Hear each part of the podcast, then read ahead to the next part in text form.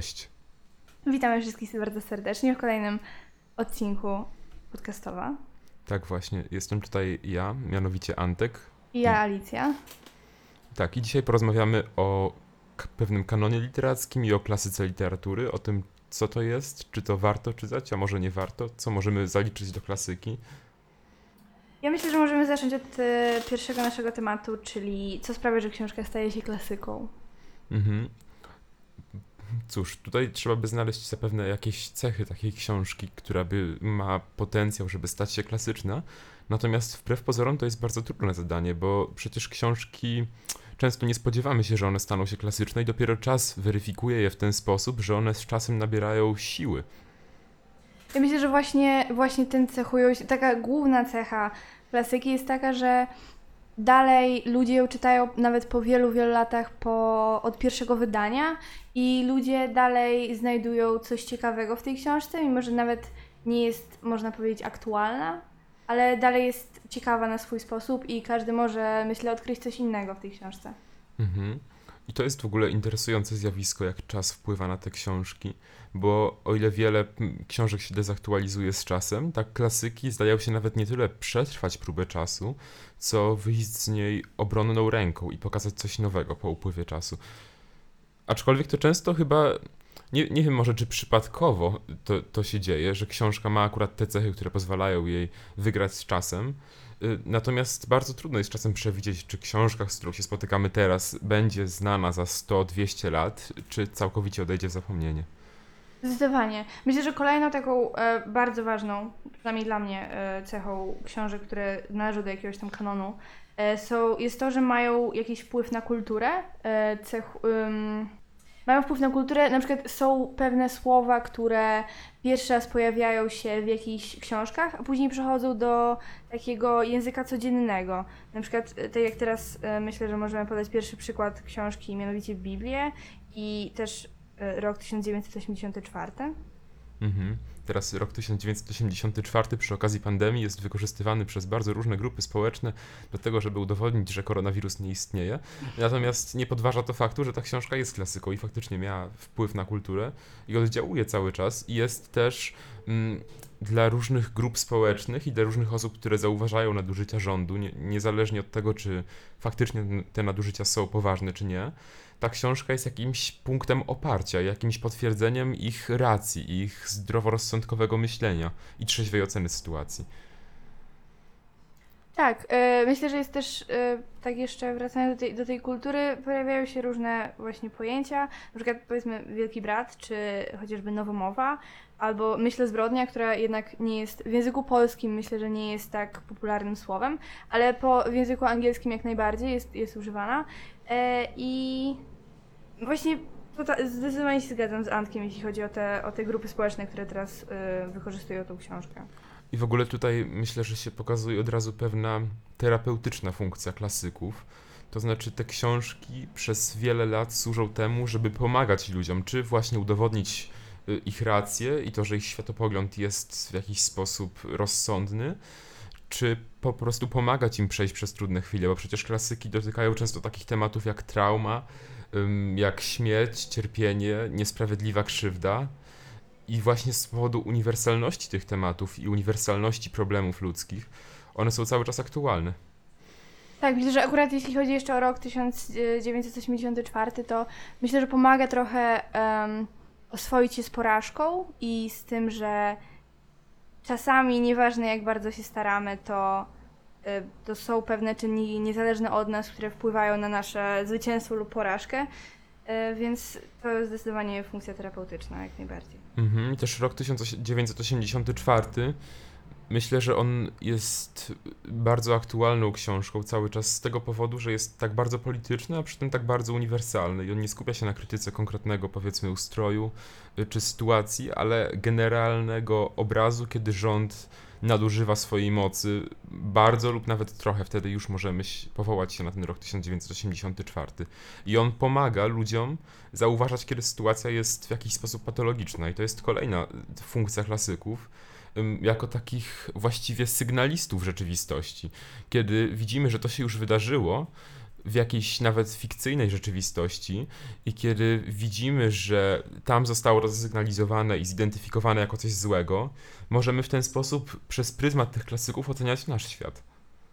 Tak, zwłaszcza, że główny bohater y, nie bez powodu y, nazywa się Winston Smith, który jest, to jest nazwisko bardzo popularne w Wielkiej Brytanii, więc y, myślę, że George Orwell chciał trochę pokazać przez to nazwisko głównego, głównego bohatera, że każdy może, każdy z nas może się postawić w sytuacji takiego Winstona y, i znaleźć w tej książce coś, coś, co odnosi się też do jego życia. A tak swoją drogą, to czy uważasz, że to jest dobra antyutopia? To znaczy taka, która jest, odnosi się dobrze do naszych czasów i faktycznie Orwell przewidział jakieś rzeczy? Myślę, że tak. Myślę, na pewno nie wszystkie, ale myślę, że, że dużą część rzeczy, rzeczy na pewno. I jest, jest w tej książce dużo rzeczy, które można właśnie odnaleźć teraz w, w obecnych czasach, które, em, które, się, które są właściwie identyczne do tej, e, jak w tej książce. Tak samo, no i kiedy Orwell pisał tą książkę, to była dla niego taka bardzo bliska przyszłość. I em, znaczy rok 1974 był po prostu bliską przyszłością. I, y, I myślę, że jak najbardziej, tak. Mhm. Bo ja na przykład mam wrażenie, że tak, dosyć dobrze przewidział pewne ogólne, stałe zjawiska, ale jeśli chodzi o konkretne przewidywanie przyszłości i tego, jak będzie mógł wyglądać świat, y, to lepiej sobie poradził tutaj nowy, wspaniały świat choćby, y, który jest, jest okropnie napisany i tego się prawie nie da czytać, moim zdaniem tutaj skromnym. Natomiast myśli, które tam są zawarte, są bardzo odkrywcze. Na przykład no, w tym świecie każdy właściwie korzysta z, somy, z narkotyku, który sprawia, że ten świat, w którym oni żyją, nie wydaje się tak przerażający, jaki jest w istocie. I przeczytałem w którymś eseju czy gdzieś tam, że ktoś to porównał do antydepresantów, które bierzemy coraz bardziej i których y, spożycie choćby w Polsce jest niemonitorowane dobrze. Natomiast statystyki są zatrważające, jeśli już są. Że faktycznie coraz bardziej staramy się y, sprawić, żeby ta rzeczywistość była mniej przerażająca, w której żyjemy, a ona się robi coraz bardziej sama z siebie przerażająca. Dobrze, a więc zastanówmy się może jeszcze nad relacją, bardzo ciekawą relacją myślę, kanon literatury a lektury szkolne. Jak to się do siebie odnosi? I myślę, że warto by było zacząć tutaj od tego, żeby zdefiniować, czy jest w ogóle jakiś obiektywny kanon literatury, czy to jest pewien ogólnie rozumiany zbiór klasyków, które my sobie identyfikujemy w jakiejś społecznej świadomości jako kanoniczne. Myślę, że są takie konkretne książki, które na przykład pojawiają się za każdym razem na tych wszystkich listach 100 książek, które trzeba przeczytać przed śmiercią. E, I są, są takie niektóre, które są ogólnie uważane za, za klasyki i za takie książki, które rzeczywiście powinno się przeczytać. Ale są też książki, myślę głównie to dotyczy książek y, nowszych, które bardzo możliwe, że wejdą dopiero do takiego tego ścisłego kanonu literatury. Mhm. No właśnie, a lektury szkolne, zdaje się, one się nie zmieniają od bardzo dawna. Zresztą trochę się zmieniły przed reformą edukacji, nie wiem czy na lepsze, czy na gorsze, a po reformie powróciliśmy właściwie do tych samych lektur dokładnie, które były w PRL-u. Y, A kanon, czy kanon się zmienia, czy kanon literatury się zmienia? Są do niego dokładane nowe rzeczy, na pewno, ale też często, kiedy coś traci na aktualności, to z tego kanonu znika. Na przykład książka Zabić Drozda, przez wiele lat bardzo kanoniczna, uznawana za przykład mm, sprzeciwu wobec niewolnictwa i bardzo trudnej sytuacji osób czarnoskórych na południu, y, jest krytykowana coraz bardziej z roku na rok i stara się ją odsuwać od tego kanonu y, jakoś społeczeństwo i eksperci. Z tego powodu choćby, że została napisana przez białą osobę i nie, niedobrze oddaje realia osób nieuprzywilejowanych, bo jest pisana mimo wszystko z perspektywy uprzywilejowanych. Dokładnie, zwłaszcza, że tak samo było, było bardzo dużo. E, kiedy czytałam w ogóle Zabić Drozda, to było bardzo dużo opinii takich e, ludzi, też na przykład prawników, którzy wypowiadali się, wypowiadali się o, o głównym, jednym z głównych bohaterów, o Atticusie Fo- Finchu, który był e, tym właśnie prawnikiem, który bronił Toma Robinsona.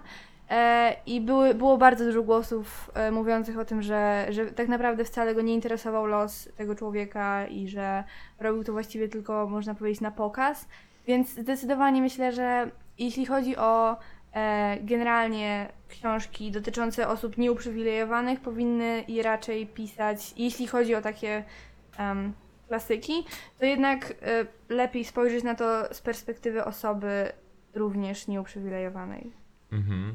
z danej raczej strony. Jeszcze zanim przejdziemy do tych lektur, to kolejny przykład. Ym, Znaczy, w, w czasach, w których żyjemy, coraz bardziej staramy się weryfikować teksty kultury różne pod kątem tak zwanej poprawności politycznej.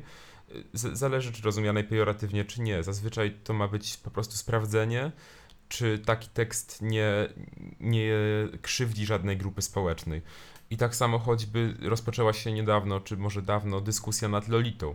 Y, Czy ta książka powinna być w kanonie, jeśli opowiada po prostu o pedofilii, niezależnie jak rozumianej, czy ona jest metaforą, czy nie? Czy możemy coś takiego uznać za kanon? Więc to, co jest kanonem i klasykami literatury, zdecydowanie dezaktualizuje się czasami, to znaczy pod kątem różnych przemian społecznych zauważamy, że to, co przez wiele lat było uniwersalne, już uniwersalne nie jest. Ale które pozostają te same swoją drogą. Dokładnie. Myślę, że też bardzo dużo się zmienia w, w tłumaczeniach, na przykład jeśli chodzi też o tą poprawność polityczną, powiedzmy, dużo rzeczy zmienia się w, w tłumaczeniach, bo niektóre słowa, które wcześniej były, e, na przykład w czasach, kiedy te książki, powiedzmy, wychodziły, em, te słowa były po prostu naturalne, były opisem, e, opisem jakichś em, sytuacji, jakichś ludzi. Teraz są uznawane po prostu za pejoratywne, dlatego że, dlatego, że język się zmienia, dlatego że że opinie się zmieniają i dochodzą do głosu takie na przykład właśnie grupy nieuprzywilejowane, które mówią, że te słowa są krzywdzące. No właśnie, tutaj możemy przejść sobie bardzo przyjemnie do chyba najbardziej znanej, jeśli chodzi o całą krytykę teraz wokół niej lektury, mianowicie w pustyni i w puszczy. Czytałaś w pustyni i w puszczy? To mieliście? Czytałam, tak. Tak. Bardzo dawno, co prawda. Ja i też czytałem bardzo dawno. Niestety jedyne, co zapamiętałam z tej lektury, to nudne opisy przyrody. Więc niestety nie, nie będę w stanie jakoś em, się wypowiedzieć e, dłużej, ale, ale bardzo chętnie. Mhm. Bo bardzo dużo krytyki tej książki dotyczy tego, że ta książka jest po prostu rasistowska, jest wprost rasistowska. Jest tam osoba czarnoskóra, która jest przedstawiana jako y, niezbyt inteligentna, która właściwie jest sługą. Ym, I wiele osób debatuje, czy usunąć w pustyni w puszczy z kanonu lektur, bo to jest dla szkół podstawowych obecnie książka przeznaczona chyba dla szóstej klasy, tak mi się wydaje. Czy może przełożyć ją na przykład do liceum i przy tym omawiać ją w kontekście rasizmu, czy już omawiać ją w szóstej klasie w kontekście rasizmu, co zrobić z tym w pustyni i w puszczy. I właściwie mm, ja na przykład nie mam tutaj konkretnej opinii, dlatego że przez wiele lat wydawało mi się, że faktycznie należy usunąć taką lekturę, bo ona w pewnej zbiorowej świadomości uczniów, którzy przecież ją przeczytają, załóżmy, y, wykształci ten obraz y, bardzo rasistowski. Natomiast spotkałem się też z opiniami y, ekspertów i literaturoznawców, na przykład Ryszarda Koziołka, który jest jednym z największych apologetów w Polsce Sienkiewicza i który zawsze, kiedy jest Sienkiewicz krytykowany, Koziołek staje, żeby go bronić. On pisał, że ta książka ma wartość literacką, ale też, że nie możemy z perspektywy naszych czasów ocenić, że książka pisana kiedyś jest nieetyczna, bo może dla nas jest nieetyczna, ale jako historia literatury to ona powinna być omówiona. Nie możemy zanegować przysz- przeszłości, która, w której rasizm był czymś powszednim. Dokładnie, myślę, że, że nawet jeśli nie wyjdzie ta lektura z y, kanonu, to myślę, że bardzo ważne byłoby zaznaczenie tego, że, że nie wszystko, co jest napisane w tej książce jest powiedzmy sobie etyczne i e, zgodne z tym, jak powinno się na przykład właśnie e, ludzi traktować. Więc y, tak. Jak najbardziej. Myślę, że, że po prostu po prostu trzeba zaznaczać to, jak, jak niektóre rzeczy, które były kiedyś normalne i naturalne, teraz już nie są i bardzo dobrze, że nie są. Mhm. A czy w ogóle lektury szkolne mm, realizują, czy zawierają w sobie pewien sposób, w pewien sposób ten kanon literacki, rozumiany jako najważniejsze książki wszechczasów? Myślę, że niektóre książki z, mm, z tego ścisłego, powiedzmy sobie, kanonu e, lek- e, literatury nie są zawarte w, w lekturach i myślę, że, że nie jest to coś złego. Myślę, że w tym momencie kanon lektur szkolnych jest zrobiony w taki sposób, że jednak jest w miarę sobie, powiedzmy, wyważone to, czy, e, czy czytamy tylko klasykę, czy też jakieś nowsze książki.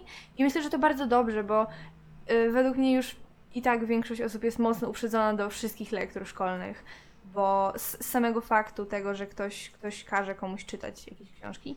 E, więc myślę, że nie, nie warto zasypywać też uczniów klasykami, zwłaszcza napisanymi językiem, który nie jest już teraz aktualny, bo takie książki po prostu ciężko się czyta, jeśli nie jest to czytanie książki własnej, że tak powiem, woli. Mhm. A moim zdaniem moglibyśmy włączyć do kanonu więcej klasyków, natomiast tych powiedzmy z XX, maksymalnie z XIX wieku. Ja przez y, długi czas uważałem, że kanon lektur jest ułożony dobrze, mianowicie, że ten nacisk na historię literatury w nim y, jest czymś, co faktycznie pomaga ludziom się rozwinąć i zrozumieć, jak literatura ewoluowała na przestrzeni czasów, jakie były lęki i nadzieje osób z różnych epok, ale coraz bardziej uważam, że to jest po prostu nieatrakcyjne i nie możemy zaprzeczyć temu i jest to coraz mniej czytane. I historia literatury już nikogo nie angażuje. Żadnego z uczniów, którzy w pierwszej klasie liceum męczą się z Bogu Rodzicą i ze średniowiecznymi tekstami, te teksty nie poruszą. One są w innej rzeczywistości. Jakiś uczeń czyta teksty na polskim z jednego świata, a potem przychodzi do swojego świata i nie ma między nimi żadnej korespondencji. I gdyby włączyć te teksty, które się okazały uniwersalne i bardzo ważne w XX wieku, te, które realizowały potrzeby bliższe nam czasowo, to myślę, że skorzystało, skorzystałaby na tym i jakaś mądrość i wiedza o literaturze uczniów, którzy by przeczytali faktycznie dobrą literaturę, ale też ich zaangażowanie w to czytanie, bo książki z klasyki gdyby je dobrze wybrać, to nie byłyby książki zawsze nudne. To nie jest, nie ma takiego połączenia chyba, że klasyka musi być nudna. Czasem jest owszem, bo czasem rzeczy trudne są po prostu, wymagają pewnych kompetencji kulturowych, których jak się nie ma, to się tego nie rozumie. Ale sporo klasyków y, by było bardzo angażujące dla uczniów, a one są pomijane. Myślę, że też wynika to z ogromnej fetyszyzacji, no, może w Polsce to nie jest aż tak znaczne, ale z fetyszyzacji książek z własnego kraju. Y, mianowicie, że znacznie chętniej umieści, umieści się w kanonie lektur te książki, które są polskie, a są złe, niż te książki, które są zagraniczne, ale są dobre. To prawda, zdecydowanie, ale myślę, że myślę, że mm, uczniowie już są na tyle uprzedzeni do, do lektur, że nawet gdyby teraz um, włączyć więcej takich zupełnie naprawdę o wiele ciekawszych książek do kanonu lektur, to i tak będą trochę podchodzić z takim nastawieniem, że że przeczytają, zdają, zdadzą jakiś sprawdzian z tego, yy, z tej lektury i, i zapomną o niej później. Nie będą widzieli właśnie, tak jak już wspominałeś, nie będą widzieli żadnej, żadnego powiązania tej lektury z, z jakby ich światem.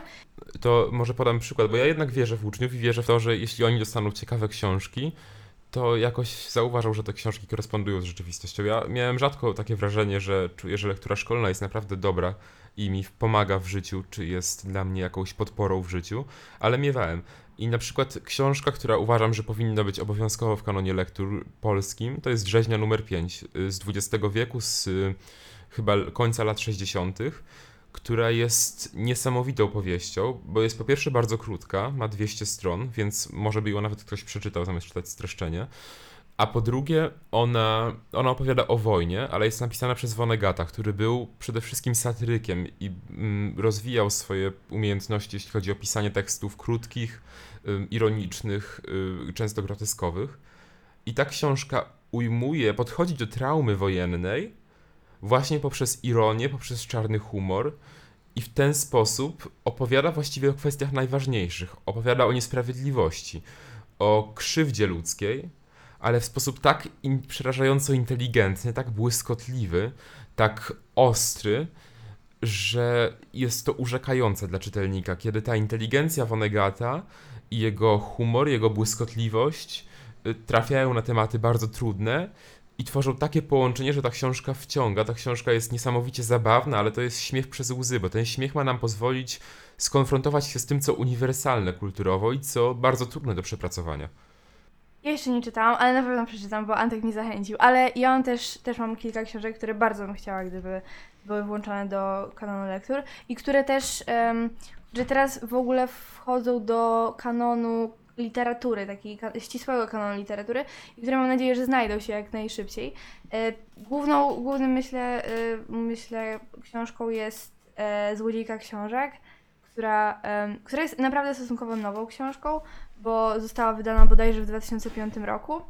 Mm, I opowiada też o wojnie, opowiada o II wojnie światowej, ale z perspektywy, z perspektywy kilkuletniej dziewczynki, która trafia do, do rodziny, która później będzie, będzie um, ukrywała Żyda w swojej piwnicy.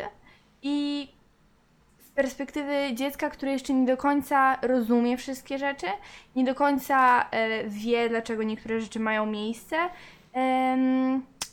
ale jest też, jest też w bardzo ciekawy sposób napisana, ponieważ narratorem jest śmierć. I myślę, że to akurat byłoby. E, myślę, że książki, które nie są pisane takim, takim monotonnym i takim typowym, można by powiedzieć, językiem, e, są o wiele ciekawsze dla, dla uczniów i w ogóle dla czytelników. Tak, też tak sądzę. I takie lektury powinny być, znaczy takie książki powinny być włączone do kanonu lektur, bo to się chce czytać po prostu. Mm, Często powstają takie listy, na przykład 100 książek, które trzeba przeczytać przed śmiercią. Y, Albo 100 najważniejszych książ- książek XX wieku według kogoś tam. Czy Twoim zdaniem to ma sens? Myślę, że tak, zwłaszcza dla, zwłaszcza dla osób, które nie są, można powiedzieć, e, nie są przyzwyczajone może do czytania, e, do czytania takich bardziej klasycznych rzeczy i w ogóle nie są, nie są jakimiś nie wiadomo jak zapalonymi czytelnikami, a które chcą się po prostu zapoznać z jakimiś, e, z jakimiś podstawami, z jakimiś, e, z jakimś kanonem. E, I myśl, więc myślę, że jak najbardziej, ale też nie, nie w takim znaczeniu, żeby się zmuszać do czytania jakichś książek, em, które są uznawane za klasykę, tylko dlatego, że są uznawane za klasykę. Jeśli coś nam po prostu nie, nie, nie, nie podpasowuje, można tak powiedzieć, Może nam się nie podoba. na- nam się po prostu nie podoba, em, myślę, że nie warto się do tego zmuszać tylko po to, żeby, żeby mieć jakoś tam, że tak powiem, zaliczone, em, zaliczony kanon. Mhm. W kwietniu 2020 roku wyszedł taki numer magazynu książki. Kiedy się zaczęła pandemia, był lockdown i ciężko było cokolwiek ustalać i nawet pracować jakoś nawet nad magazynem.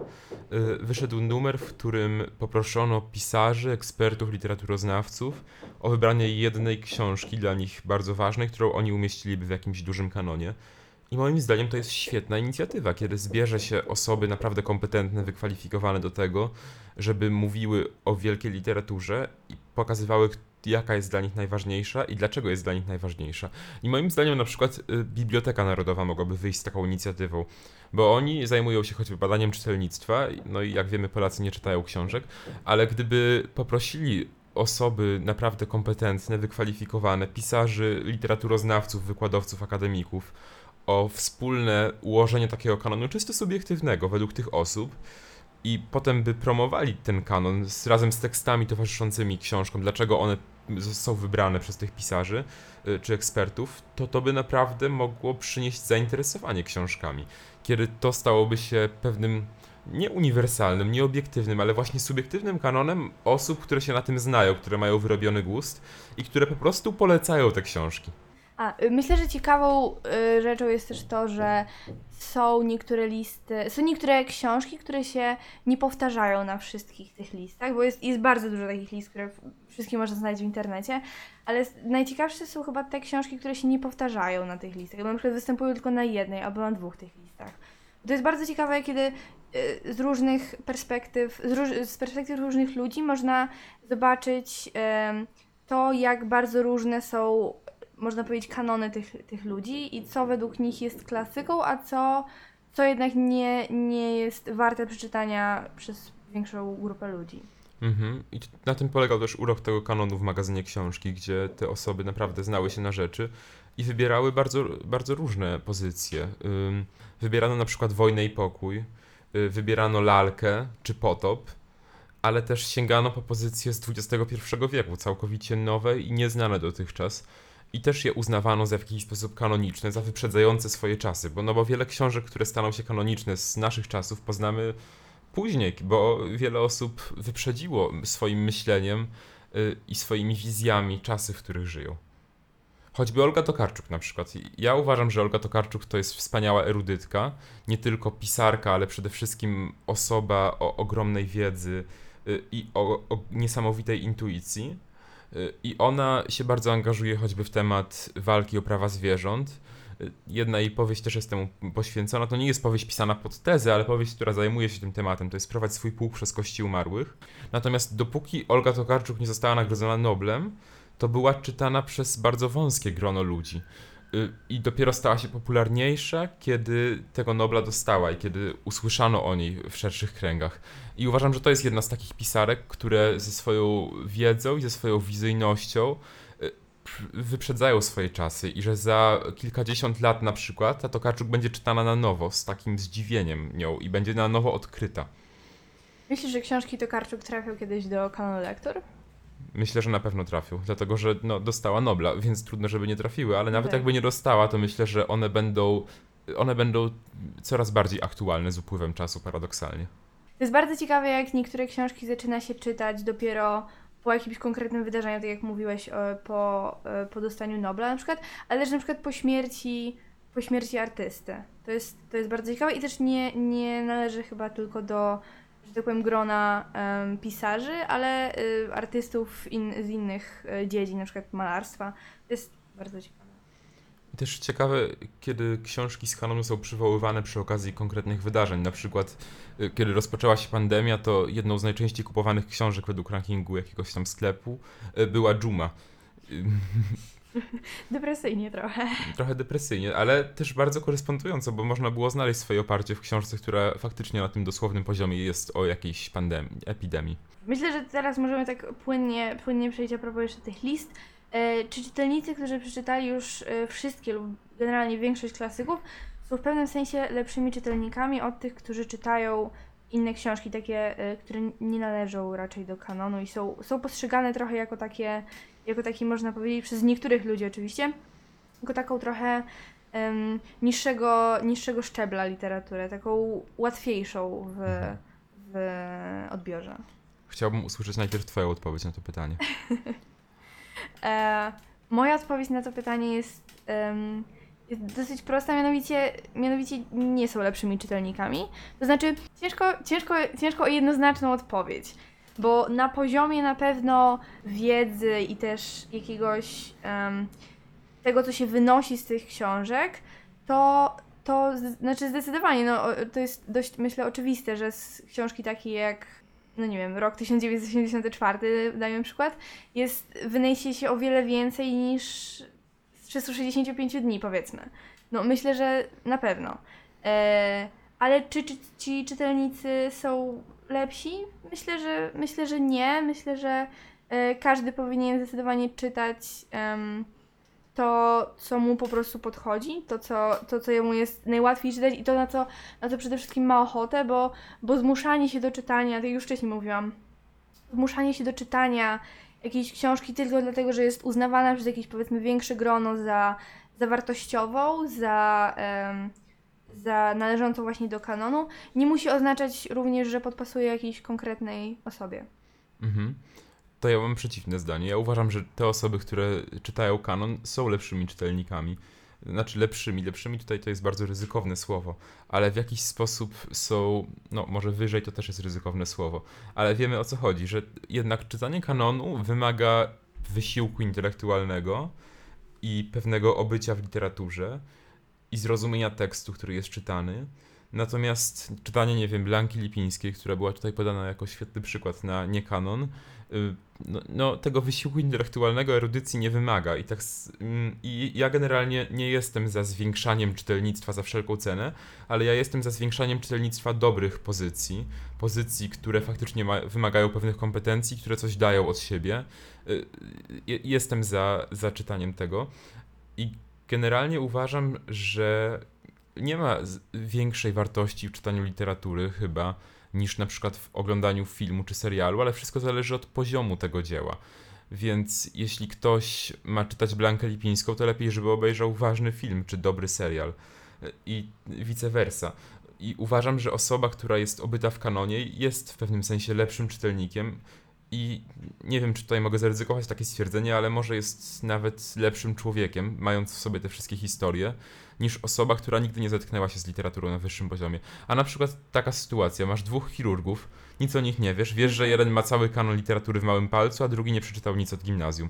Wolałabyś, żeby który cię operował? Przestań mi zadać takie trudne pytania.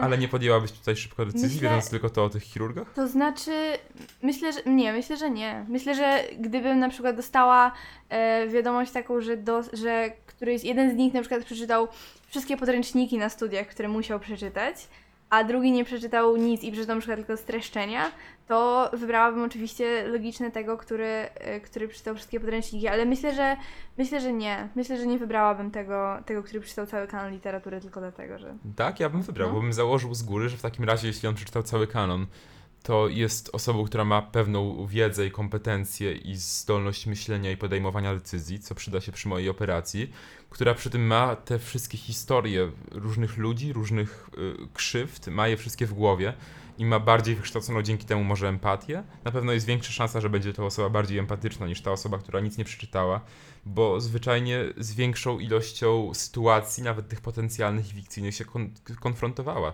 taka osoba. I bardziej bym zaufał jej. Tak myślę. Nawet w kwestii operacji, która przecież jest tak nieliteracką. No może można to opisać literacko, ale jest niezwiązaną z literaturą bezpośrednio czynnością. No nie wiem, nie widzę sensu w czytaniu złej literatury, a nawet jak w sumie zmuszanie się do klasyków, też nie uważam, żeby to było bardzo złe, bo to jest mierzenie wysoko mimo wszystko. Jak się czegoś nie rozumie, ale się brnie w tę książkę i uparcie się stara ją zrozumieć i co, coś z nią odczuć, to uznaję to nawet za takie godne podziwu, kiedy ktoś, mimo tego, że nie sprawia mu to przyjemności, to racjonalnie ocenia, że to jest coś wartego przeczytania, zapoznania się i stara się to zrozumieć. Podejmuje jakiś wysiłek intelektualny, żeby dostrzec ten fenomen. Bo można było odłożyć tę książkę i pójść do książki o niższej wartości, do, nie wiem, do Blanki Lipińskiej choćby. I chyba bardziej będę chwalić tę osobę, która jednak została przy książce, nawet jeśli się z nią męczyła i starała się ją doczytać do końca, tylko z tego powodu, że to jest książka kanoniczna. A Mam takie pytanie dla ciebie. Czy e, wolał, znaczy, czy, mm, czy lepiej jest e, dla, tak, dla jakiejś konkretnej osoby, czy lepiej jest, żeby przeczytała taką literaturę, że tak powiem, niższych lotów, czy żeby, żeby nie przeczytała niczego? Nie wiem, to jest bardzo trudne pytanie, bo z jednej strony literatura niższych lotów to jest wciąż literatura i się wskazuje bardzo często przy bronieniu czytania, że to jest kształcenie wyobraźni, yy, odbieranie jakichś historii i przetwarzanie ich przez własne doświadczenie, czytanie czyjegoś świata i próba zrozumienia go. Ale z drugiej strony literatura na takim bardzo niskim poziomie, to znaczy no Blanka Lipińska choćby, nie wiem, y, 50 twarzy Greya, albo takie słabej jakości fantazy. Jest takie wydawnictwo, nawet lubelskie, Fabryka Słów. I ono jest bardzo adekwatne do, do treści, jakie są w nim wydawane, bo to są po prostu cykle tych starszych panów, którzy piszą książki o bohaterach, którzy mają milion kobiet, jeżdżą na smokach y, i dokonują wspaniałych rzeczy. Y, te książki są też przy tym bardzo przesycone różnymi uprzedzeniami. Nie wszystkie, niektóre są całkiem przyjemne, ale w dużej części to są bardzo słabe książki i to jest po prostu szkodliwe dla czytelnika. Kiedy czytelnik dostrzega przemocowe zachowania, które są pochwalane, na przykład przy okazji premiery filmowej y, tej książki Blanki Lipińskiej, jaki ona ma tytuł? 365 dni? Tak. Właśnie, było poruszane, że to jest chwalenie gwałtu i przedstawianie go jako jakieś atrakcyjne zachowanie seksualne, czy to jest po prostu szkodliwe i to budzi...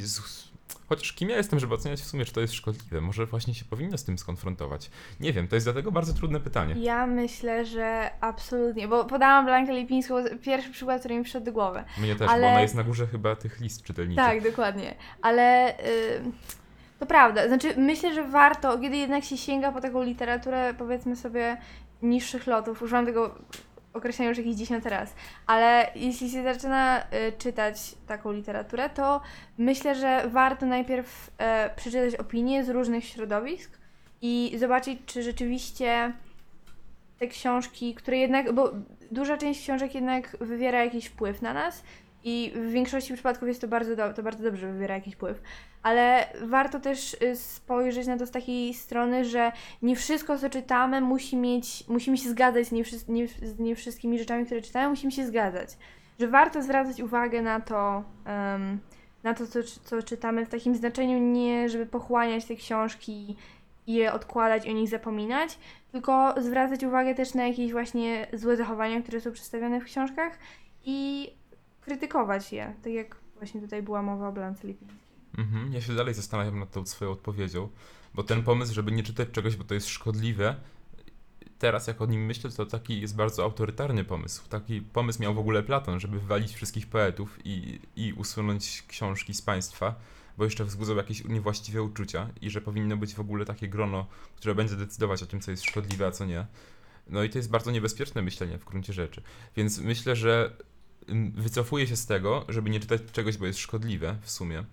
Mm, Myślę, że powinniśmy czytać i przy tym właśnie patrzeć na wszystko krytycznie i analizować. Też no, wiele rzeczy z kanonu literatury w ten sposób się zestarzało, że jest tam rasizm, czy choćby, nie wiem, przemoc wobec zwierząt. Nawet pan Tadeusz, tamte opisy polowań dla współczesnego czytelnika są bardzo uderzające, albo choćby Hemingway. Nie wiem, Stary Człowiek i Morze to jest bardzo ładna książka o nadziei, ale dotyczy jednak łowienia ryb, które jest takie średnie z dzisiejszej perspektywy. W ogóle Hemingway mnie bardzo lubił polować i on miał jakiś fetysz zabijania zwierząt, co mu sprawiało ogromną przyjemność, natomiast był takim wrażliwym facetem, że niesamowite, że jakoś mu to się nie gryzło. No bo tak. Tak, no nie, no absolutnie, zdecydowanie. Absolutnie, Więc no bo można napisać podsumowując- książkę o nadziei bez łowienia ryb. No to prawda, to prawda. Myślę, że, więc myślę, że tak podsumowując nasze odpowiedzi na to pytanie, em, podchodźmy krytycznie do wszystkiego właściwie, co czytamy. Podchodźmy krytycznie do tego, co Tak, czytamy. podchodźmy krytycznie i tyle. Natomiast ja jestem dalej za tym, żeby się, że lepiej się zmuszać do czytania niż nie czytać wcale. Bo w ogóle czytanie jest coraz bardziej czymś deficytowym. No, 42% Polaków przeczytało w bieżącym, w tamtym roku mm, przynajmniej fragment książki. Przynajmniej fragment. I to nawet nie musi być rozdział, bo tak dyrektor Biblioteki Narodowej opisywał tę metodologię, że wystarczyło przeczytać fragment książki, żeby się zgłosić. A i tak wiele osób pewnie podawało, że czytało, a nie czytało. I to jest alarmujące, natomiast podejrzewam, że to jest jakaś wypadkowa tych czasów, w których żyjemy i choćby tego, że jest, że czytanie wymaga tego, żeby usiąść z książką i poświęcić jej pełne skupienie i uwagę przez określony czas, który też nie może być bardzo krótki, bo nie zrozumiemy wiele z tego, trzeba się w to zanurzyć. A w czasie bardzo fragmentarycznym, w którym żyjemy, w czasie technologii komunikacji bardzo zdawkowej, szybkiej i, i takiej niepokojąco mm, trudnej dla człowieka, czytanie jest coraz bardziej trudne, więc myślę, że zmuszanie się do czytania jest jakąś walką z tym światem, który to czytanie uniemożliwia. I że warto się zmuszać do czytania. To jest pogląd, który nie jest często podzielany, ale ja tak sądzę. Może mi się zmieni. Może za pół roku odsłucham tego podcastu i pomyślę sobie, Boże drogi. Bardzo możliwe. Okej, a jakbyś miała wybrać jedną książkę, którą umieścisz w swoim kanonie, załóżmy, że magazyn książki w kwietniu 2020 roku prosi cię tutaj jako wybitną ekspertkę o umieszczenie jednej książki w swoim kanonie, co by to było? W kanonie, w kanonie czy w kanonie lektur? No w kanonie, A, w kanonie literatury literatury, ogólnie. okej. Znaczy w no, E, kanon lektur też możesz wrzucić. Myślę, że zostanę, jak już wcześniej mówiłam, przy Złodziejce Książek. To była książka, która naprawdę... Była książka, którą dostałam w ogóle na święta. I byłam taka y, dość y, sceptycznie do niej nastawiona, muszę przyznać. Ale... Ym, tak sobie myślałam, że nie, no taka książka o wojnie, jeszcze z perspektywy małej dziewczynki, to na pewno będzie słabo. Okazało się, że nie. Okazało się, że była bardzo ciekawa i bardzo ym, napisana w bardzo ciekawy sposób po prostu. Zwłaszcza z tej perspektywy, jeśli chodzi o perspektywę śmierci i o perspektywę e, Lizel, czyli tej, tej małej dziewczynki, głównej bohaterki. I tak, jeśli chodzi, jeśli chodzi o te, te dwie perspektywy, to była bardzo ciekawa książka i bardzo bym chciała. Myślę, że uczniowie też na przykład, jeśli, by, jeśli już mówilibyśmy o tych lekturach też, to myślę, że do kanonu lektur jak najbardziej też można by było włączyć złodziejki książek. Mimo, że jest to książka, nie jest to książka krótka i też nie jest to książka łatwa do przeczytania. jeśli- nie jeśli chodzi o język, ale jeśli chodzi o tematykę i, mm, i wszystkie wątki fabularne. Mhm. Em, tak, ale myślę, że warta, warta, y, warta tego, nawet żeby, żeby nawet usiąść i tak zmusić do tego. Dobrze, dobrze się zmuszać. Myślę, że jakbym ja miał u- u- wybrać jedną książkę do kanonu, znaczy może ona już jest w kanonie ogólnie rozumianym, ale to byłaby ta książka, o której wspomniałem, czyli Rzeźnia numer 5, która myślę, że jest bardzo ważna dla nas w tych czasach nawet. Mimo tego, że jest o wojnie, to ona przez tę wojnę mówi o bardzo uniwersalnych, bardzo trudnych kwestiach, ale z taką niesamowitą błyskotliwością i z taką lekkością i geniuszem autora naprawdę przebijającym się z każdej strony, kiedy on przez tę jedną książkę tworzy sobie nową formę e, literacką i nowe e, wzorce postmodernistyczne, które potem będą analizowane w badaniach. A przy tym ta książka, chociaż ma 200 stron, to ja jej nie mogę streścić, bo ona jest niemożliwa do streszczenia. Dzieje się w niej, dzieją się w niej takie rzeczy i jest w taki sposób napisana, że to jest książka, którą trzeba przeczytać po prostu. Natomiast mm, myślę, że książki Olgi, Olgi Tokarczuk też mogłyby znaleźć się w kanonie, bo one też są w dużej mierze terapeutyczne i ona chyba nawet mówiła o literaturze w tej jej terapeutycznej funkcji, ale przy tym ona pisze z tą misją, którą wyłożyła w mowie noblowskiej, też w tych esejach o stworzeniu takiej narracji panoptykalnej, która obejmie cały świat z tej perspektywy z góry. I jej to faktycznie wychodzi. kiedy ona mówi o tych najważniejszych kwestiach, też w niesamowity, bardzo poetycki sposób. Te pierwsze książki są zresztą bliskie nawet prozy poetyckiej, choćby prawie jak i inne czasy. To jest tak napisane takim gęstym stylem. Czy Bieguni też się to bardzo trudno czyta, bo jest bardzo gęste. I to są bardzo piękne książki, niesamowicie wizyjne, z wielkim rozmachem napisane, które wyprzedzają swoje czasy, jeśli chodzi o idee w nich przedstawione. I też są pisane pod tę bardzo doniosłą misję. No, Księgi Jakubowe też monumentalne dzieło. I też z eksperymentami narracyjnymi właśnie, żeby to objąć panoptykalnie. W ogóle lubię, jak książka ma taki rozmach, jak tak się nie zamyka na rzeczach, na życiu zwykłym, prostym, tylko tak obejmuje sobą wszystko. Nie wiem, choćby Mistrz i Małgorzata, gdzie jest przecież dialog Jezusa z Piłatem, to to jest po prostu piękne. Tak właśnie powinna wyglądać literatura. Literatura się nie może bać trudnych rzeczy. O, to mam pomysł. Jaka jest twoja ulubiona lektura szkolna? O, jaka jest moja ulubiona lektura szkolna? Taka, której jeszcze w teorii nie, bo jako ja, jako pierwszoklasistka jeszcze w teorii nie miałam tego y, na, jako lektury, ale em, w przyszłym roku będę miała, czyli właśnie rok 1984, ale moją ulubioną, bardzo bym chciała, żeby też weszła ta książka do, nie wiem czy ona jest, w ogóle jest Buszujący Zbożu w kanonie lektur Nie. szkolnych? Bardzo bym chciała, żeby Buszujący Zbożu wszedł do kanonu litera, y, lektur szkolnych, zwłaszcza dla takich em, dla klasy może pierwszej albo drugiej liceum, bo myślę, że można się, można się utożsamić trochę z głównym bohaterem. Mnie się nie podobała ta książka. Naprawdę? Mnie właśnie w niej zabrakło rozmachu. Ona jest. O, Ona jest prosta, O, ona ona jest jest prosta. prosta. Ona jest bardziej opowiadaniem niż książką, to ja bym prawda. powiedział. Ona jest o bohaterze, który się buntuje i to właściwie tak można streścić. I jemu się nie podoba życie, więc tam sobie wychodzi, przeklina, yy, nie wiem, umawia się z prostytutką i w ogóle jest taki bardzo szalony. No i to jest ta książka. No i naprawdę nie myślisz, że ludziom w ten, w, No może w pierwszej klasie liceum by się nie spodobała? Może im się spodoba, ale mnie się nie podoba. A co jest takiego w tej książce?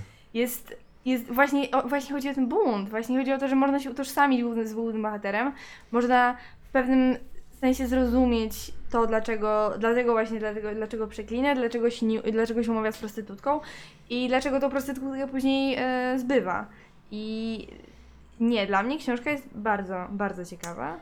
I myślę, że znaczy ciekawy jest też w ogóle wpływ e, tej książki na ludzi i na to, że no nie wiem, chociażby e, zabójca Johna Lennona miał ją przy sobie w momencie zamachu na niego. Em, więc no myślę, że myślę, że ciekawe jest to, jaki ma wpływ na, na ludzi ta książka. I ciekawe są też, przepraszam ci przerwę, ale ciekawe są jeszcze kontrowersje w ogóle dookoła, dookoła tej, A tej były książki. jakieś? Było masę, było masę kontrowersji. W ogóle na początku była e, zakwalifikowana ta książka jako książka dla dorosłych.